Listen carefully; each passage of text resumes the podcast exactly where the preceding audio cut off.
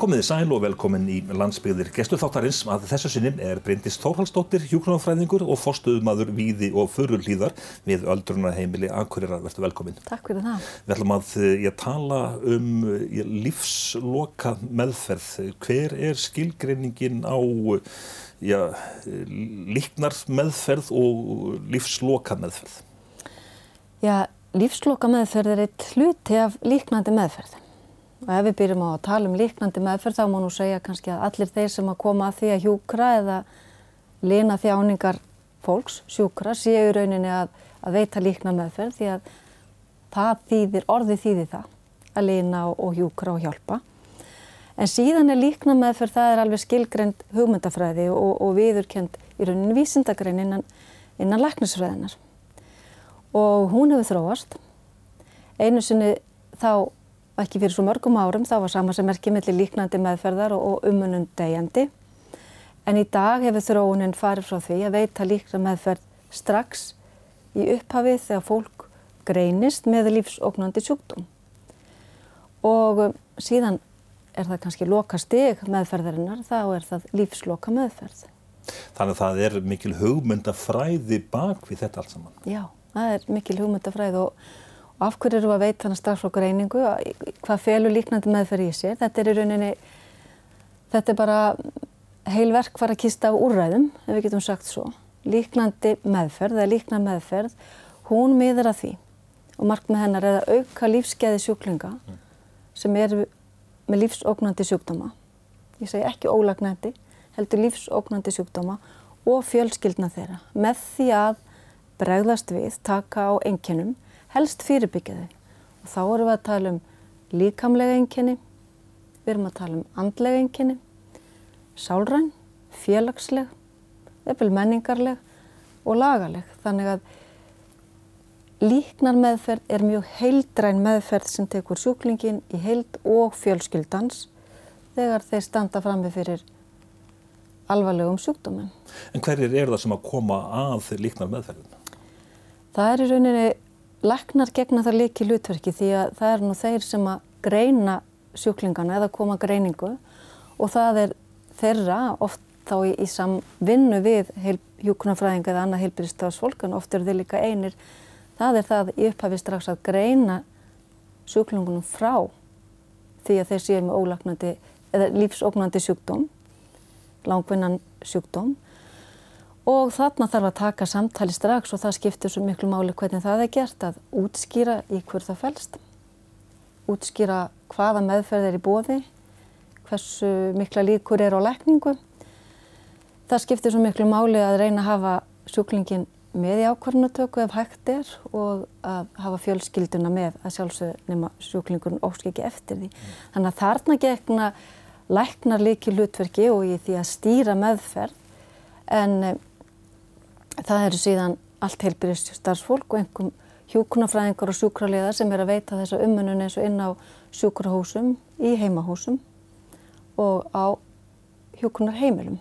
En er einhver munur eftir líknandi meðferð eftir, já, til dæmis enga heimilum og svo aftur sjúkrastofnunum? Þú hefur starfaði hvort vekja.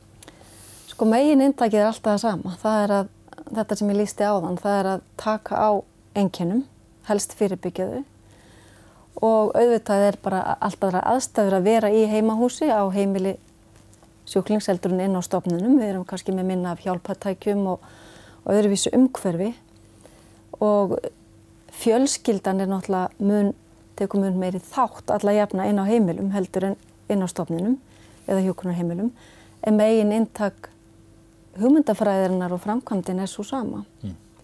Langvinnir sjúkdómar ja, eru oftast orsök döða? Já, Íslandi er það og í, í hinn vestrana heimi og þar eru krabbamein, það eru langvinnir hjartasjúkdómar, lungnasjúkdómar og nýrnasjúkdómar en og allir þessi sjúkdómar þarna gagnast líknandi meðferð mjög vel. Einnig taugasjúkdómar eins og MND og MS, ekki sé talað um heilabilun og núna með svona breytri aldursamsetningu þar sem við lifum lengur og íslenska þjóðin er eldast mjög rætt, þá ekst tíðni þessara sjúkdóma og við erum að fann að finna fyrir því eins og við heyrum á þjóðfélagsumræðinni. Þannig að mér líka nú að segja sem betur fer eru langstæsti hópurinn sem eru þarf fyrir líknandi meðferð og lífsloka meðferð er fólk sem er komið yfir miðan aldur og fólk sem er komið á efri ár en því miður eru alltaf mjög ungir einstaklingar sem standa frammi fyrir þessu að greinast með lífsóknandi sjúkdóm. Það er bleikur oktober eh, núna og kastljósinu er sérstaklega beint að eh, krabbamenni. Eh, ég fólk sem að greinist með krabbamenni ég vil bara á miðjum aldri hvaða, hvað fer í gang þá hjá ykkur sem að, sem að starfið við líknandi meðferð? Um, fyrsta lagi ætli það sé ekki þannig að fólk sem greinist með krabbamenni ætli bara veröldun rinni ekki hjá flestum það breytist allt. Og það sem að á að fara í gang hjá okkur heilbyrjastarfólk er að setja strax í gang alla þá hjálp sem við getum veitt og ég lísti því áðan greiningin og að, að veita gott viðtal strax í upphafi og síðan að virkja úrræðin. Sumir sem greinast, greinast fyrir tilviljun og eru kannski ekki orðni veikir en þeir þurfa alveg klárlega mikinn andlegan stuðning, sálfélagslegan stuðning, það þarf að greina yfirleitt standa þessi einstaklinga frammi fyrir því að þetta út af vinnumarkaði. Það þarf að kanna réttindin, það þarf að fara yfir hvað meðferðir í bóði og virkja allt það kerfi og samþetta þjónustuna. Þannig að ég myndi segja að ungir einstaklingar til dæmis sem að greinast með krabbamein og eiga fyrir höndum vinnutöp að fara í gegnum meðferð, þeir eru strax í þörf fyrir það sem við kallum sérhæfða líkna meðferð sem er umfram það sem hinn almenni helbriðstarfsmaður er veita og það er þá til dæmis hér á Akureyri, ef við tölum út frá því. Þá er það sjúkrahásið á Akureyri, það er nú þar göngu og líflækningadild sem margir einstaklingar koma á hverjum degi til að fá krabbamessmeðferð. Og síðan þessi del starfa mjög náðu við heimalýningu sem er sérhæð hjókunar þjónusta hér á Akureyri ekki og slittin síðan 92.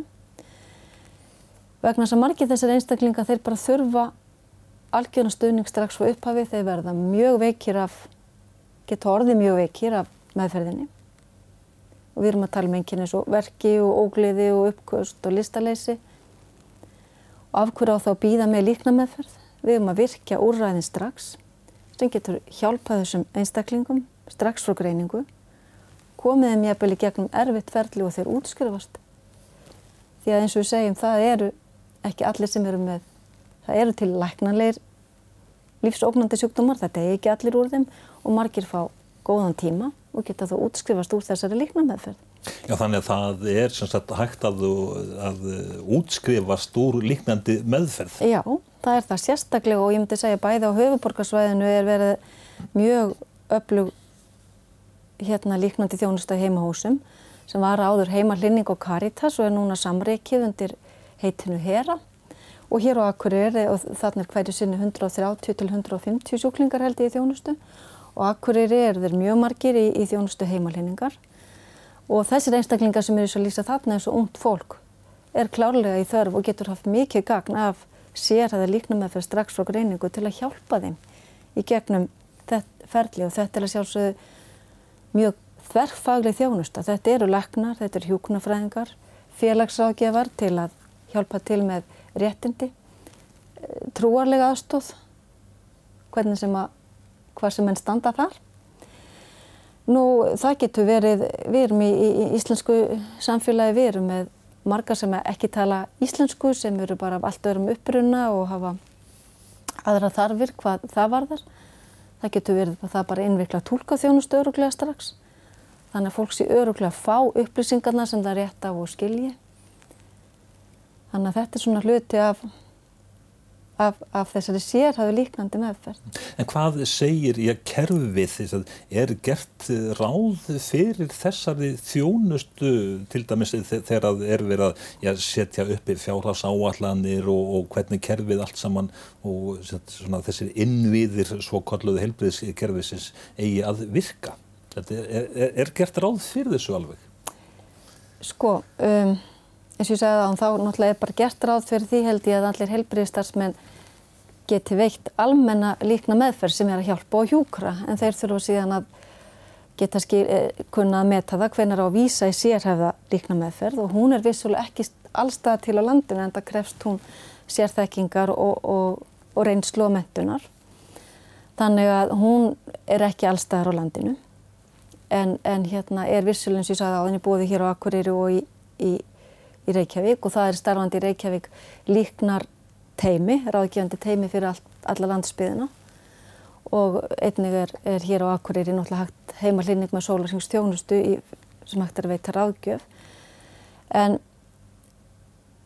það er bara líknardel til dæmis á höfuborgarsvæðinu núna.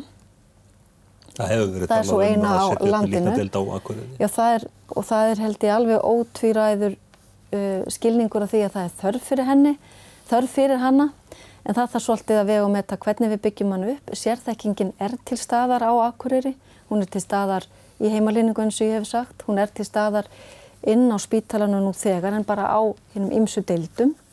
Hún er til staðar á öldrunarheimilum Akureyrar þar sem að deyja á hverju ári 50-70 manns þar sem starfsrækt sólarsings þjónusta hjúkunarfræðing og lækna og þar sem starfa sérmentaði læknar á, á þessu sviði og hjúkunarfræðingar. Þannig að, að hérna, en við þurfum hins vegar ef við ætlum að byggja blíknadeild á Akureyri þá þurfum við að horfa stögu við það að við þurfum eiginlega að samreika hana með einhverju annari einingu því að við erum ekki það stort upptökusvæði að við erum að tala kannski um einingu fyrir fimm rúm mestalagi. Líknadeildin á höfuborgarsvæðinu er með tólf, líknadeildin í Kópói er með tólf rúm. Þannig við byggjum ekki upp svona litla einingu öðruvísi en að reka hana annarkvört í samþættingu við aðra þjónustu sem er nú þegar inn á spítalanum eða á eldrunarheimilum akkurirar.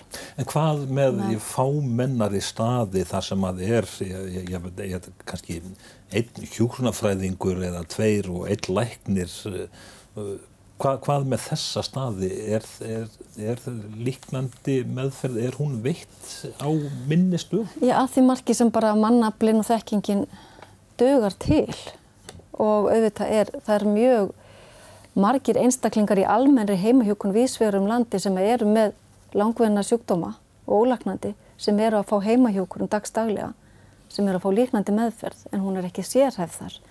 Þannig að staðan er svo og nýleg skísla sínir sem af hópi sem var skipað 2016 af þáverandi helbilsráð þeirra og skilaði niðurstöðun sínum 2018 að það er mikil skortur og sérhæfri líkna þjónustu á landsbyðinni og ég veldi því fyrir mig hvort að það er reynilega rekstaralegu grundvöldur að rauk, rétt að við gætum rekið sér, sérhæða slíka þjónustu allstæðar sem er mjög hæpið held ég, en þá þurfum við að hafa miðlagt heimi sem getur veitt ráðgjöf til hins almenna heilbyrjastarsmanns sem veitir þá umönnuna.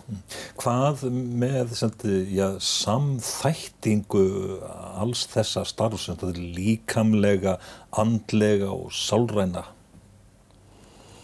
Já, þetta er bara, það, það er einmitt líkilatriði í, í sérstaklega líknandi meðferð að það er að taka allt þetta. Og við vitum það að um, miklar áhugjur, mikil kvíði, einstaklingur sem að greinist þess vegna fyrir tilviljun, veit ekki að því hann er með krabba með en fær greininguna, bara það eitt veldur líkamlegum enginum. Þannig að þetta hangir auðvitað alltaf allt saman og við sem að veitum líkna meðferð þurfum alltaf að líta sjúklingin í heild. Þetta er mjög mikil fjölskylduhjúkun líka því það að greinast með lífsóknandi sjúkdóm hefur ekki bara áhrif á einstaklingin heldur alla fjölskylduna. Þannig að við þurfum bara að hugsa alltaf heildrænt og að því að tala um samþækta þjónustuna þá eru við líka einmitt að standa frammi fyrir því því að eitt er það sem við tökum fókusinu núna með unga fólki sem er að greinast með krabba meginn. Síðan eru það hinhópurinn, þessi sem eru eldri hópurinn sem að er að greinast með krabbamenn en er kannski með tvo eða aðra sjúkdóma til staðar. Hefur verið meðferð hjá tveimur, þreimur læknum, það getur verið hjartasjúkdómur, það getur verið mjöðminn og þá skiptir svo miklu máli að það sé þarna samþetting og það sé aðilar í kerfin okkar sem haldi utanum allt þetta og hjálpi sjúklingunum að, að eiga samskipti við alla þessu ólíku aðila. Við gerum ráð fyrir því að heilsugjastlan og heimilislagnarnir sinni þessu og þeir gera það eftir bestu getu en annars eru það krabbameinslagnar eða sérfræðilagnar sem gegna þessu hlutverki og hjúkunarfræðingar. Að reyna að samstætta þjónustuna. Þú sagðir áðan að, að lækna náttúrulega gegna hérna likil hlutverki en öll, öll teimis vinna, hún náttúrulega hlýtur að vera gríðarlega mikilvæg. Hvernig gengur ykkur að, að samþætta svona teimis vinnu þannig að allir eða sem flestir komi að borðinu? Já, ef ég myndi tala út á því, nú hef ég reynslu bæða heimalýningu þar sem ég var í, í allmörg ár á eldrunarheimilum Akkur þar sem ég hef búin að vera í fimm ár og svo á, á líknadeildinni Kópófi þar sem ég starfaði síðastliða ár að þá myndi ég segja að öllum þessum stöðum gengur teimisvinnan mjög vel. En það er líka fórsendað þess að þú sérst að veita góða líknameðferð, það er góð teimisvinna, það er bara, það eru allar stjættir mikilvægar. Við erum öll sem komum að því að sinna sjúklingunum og fjölskyldum þeirra. Það skiptir, öll verkinn skipta máli og við þurfum að starfa saman. Ef við gerum það ekki þá, þá kemur það niður á meðferðinni. En eh, satt, sjúklingarnir og fjölskyldurnar eru mismunandi. Það, eh, svona, þetta er að velja alþjóðlegt samfélag getur við sagt. Það svona, beiti myndin svolítið hvað þetta var það allt saman. Já, það er alveg rétt hjá þér og, og hérna þannig að góð, eitt hlut af, af líknandi meðferð, mikilvæg þáttur er að kunna lesa í aðstæður, mm. greina aðstæður og þess vegna er svo mikilvægt að starfa með fjölskyldinu og halda fjölskyldu fundi. Þar gefst okkur tækifæri til að svolítið að greina hver styrkleikarnir liggja því að auðvitað byggir líkna meðferð, hún byggir á því að ebla styrkleikan og hjálpa fólki að lifa innihaldsríku lífi með sinn sjúkdóm allt til enda og þannig að það það þarf svolítið að lesa í aðstæður og greina hvað eru styrkleikarnir og hjálpa fólki að byggja með þá en líka að grýpa inn í. Sumstaðar eru ungbörn. Sumstaðar eru mm, stórt tengslanett sumstaðar eru mjög fáir. Stundum eru mjög stóra fjölskyldur en samskiptin bara erfið. Þannig að fjöldin er ekki er ekki alltaf það sem segir. Þannig að, já, ég myndi segja að sjúkling, fjölskyldurnar og það sem er kringum sjúklingin er bara ja, fjölbreytt og, og, og, og sjúklingarnir sjálfur. Þú ert búin að starfa í þessu í nokkuðu mörgum ár. Hvað ja, með svona ja, afstöðu fólks almennings til þessara uh, þjónustu uh, hefur afstæðan eitthvað breyst eða er almenningur orðin upplýstari um, um þetta alls saman? Já, mér finnst almenningur orðin upplýstari en það er enþá samt svo ríkjandi kannski þessi miskilingur að líknandi meðferð sé bara fyrir þá sem eru degjandi. Þannig að það er samt að síast einn að það sé, það sé ekki. Þannig að við heyrum ennþá svo mikið því að hann er komin á líknandi meðferð en þá vorum við að tala um í rauninni lífsloka meðferð. Þannig að það er enþá kannski þessi neikvæði tenging svolítið við dauðan sem við þurfum að hjálpast að við að, að bara breyða út að sé ekki. Þannig að fólk krökkum ekki kút eða veit að einhvers er komin á, á líknandi meðferð. En eh, hafa ykkar starfsættir, hafa þeir tekið í breytingum á undanförnum áratugum getur við kannski miða við. Ég gerir ráð fyrir að, að þjónustan hún ha, hafi breyst mikið. Já, hún hefur gert það. Hún hefur breyst mjög mikið og luta því það er það sem ég kannski kom inn á í upphafi í sambandi við lutarglækna. Mm. Það er þessi, þetta mikilvæga skref, skref strax í upphafi þegar fólk greinist með ólæknandi sjúkdóm að ræða um meðferðin sem er í búði og, og mögulegan árangur meðferðar og hvað fólk vil. Því það kemur líka alltaf á þeim tímapunkti í ólaknandi sjúkdómum að meðferðin fyrir að taka meiri toll. Það kemur að þeim tímapunkti að það er tímabært að hætta. Og það er svo mikilvægt að taka þessa umræðu mjög snemma í sjúkdómsferlinu þegar að sjúklingar eru, einstaklingarnir eru í standi til að hafa, vera með í ráðum. Og þetta er líka svo mikilvægt í hjúgrunn aldraðra frumra einstaklinga eins og við erum að fá til dæmis inn á hjókunaheimilin að taka þessu umræðu. Þetta var ekki gert áður fyrr en er gert miklu massvissar í dag og er hlut af líknandi meðferð að spyrja og nú þetta mjög, það þarf að gera þetta varlega, hvað vilt þú ef þú ert orðin mjög veikur með langtgengin sjúkdóm viltu ef til þess kemur fari, að þú farir í hjartastopp, vera endurlíkaður og vera í öndunarvél. Ef að þú hefur ekki átt þetta samtal við laknin, hefur ekki fengið tækifæri til þess, þetta hefur ekki verið skráð, þá er það skilda til dæmis allar heilbyrjastarfsmanna að veita endurlíkun og, og, og, og allt sem því fylgir og fara á gjörgjæslu. Við sjáum mikla þróun þarna með því að þetta samtal er tekið sem er hluti á líknandi meðferð. Til dæmis bara á öldrunarheimilum akkurir að það eru, þetta er bara hluti af því þegar fólk inskrifast þar eftir ákveðin tíma að það er, að lektirinn tekur þetta samtal við hvernig við nýbúa. Auðvitað þarf að vega og metta hvort það sé tilbúin til þess. Sumir vilja fulla meðferð.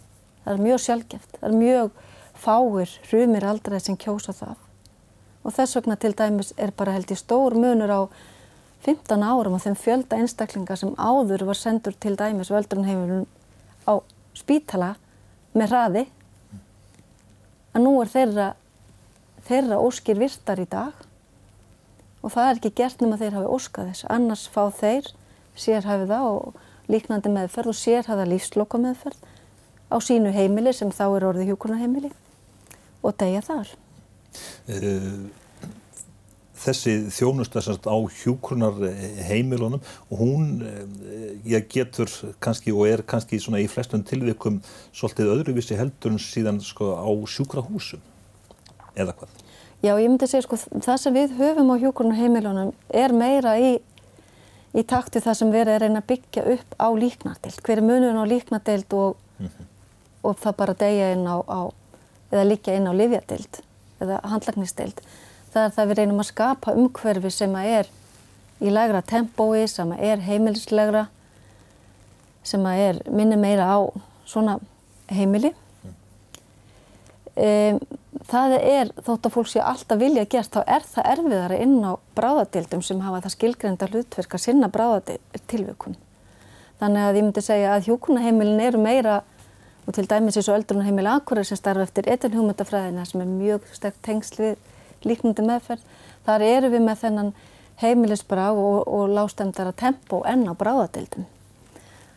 Þannig að fólk kannski, við erum að skapa þarna þessar rólegu aðstæður sem við viljum geta skapa fólki sem er komið í lífsloka meðferð, sem er degjandi af því ég baðið að horfa kannski svona er bara nokkra áratögi áðan aftur í, í tíman en svona í gegnum aldirna þá náttúrulega hefur líkna meðferð alltaf verið í, svona, til staðar. Alltaf verið til staðar og, og náttúrulega lengst af hafa, hafa þetta verið fjölskyldunar, fólk dó heima hér áður fyrr og þar voru fjölskyldur í líki hlutverki og, og það, þaðan er orðið hospis-dreið að það er, það er þetta að heimili sem er, og veit, að ég held sem ekki fara með rántmál þar, sem er svona fyrsta tengingin við líkna hjókrun, það er þessi hospilsheimili sem voru komið á fót.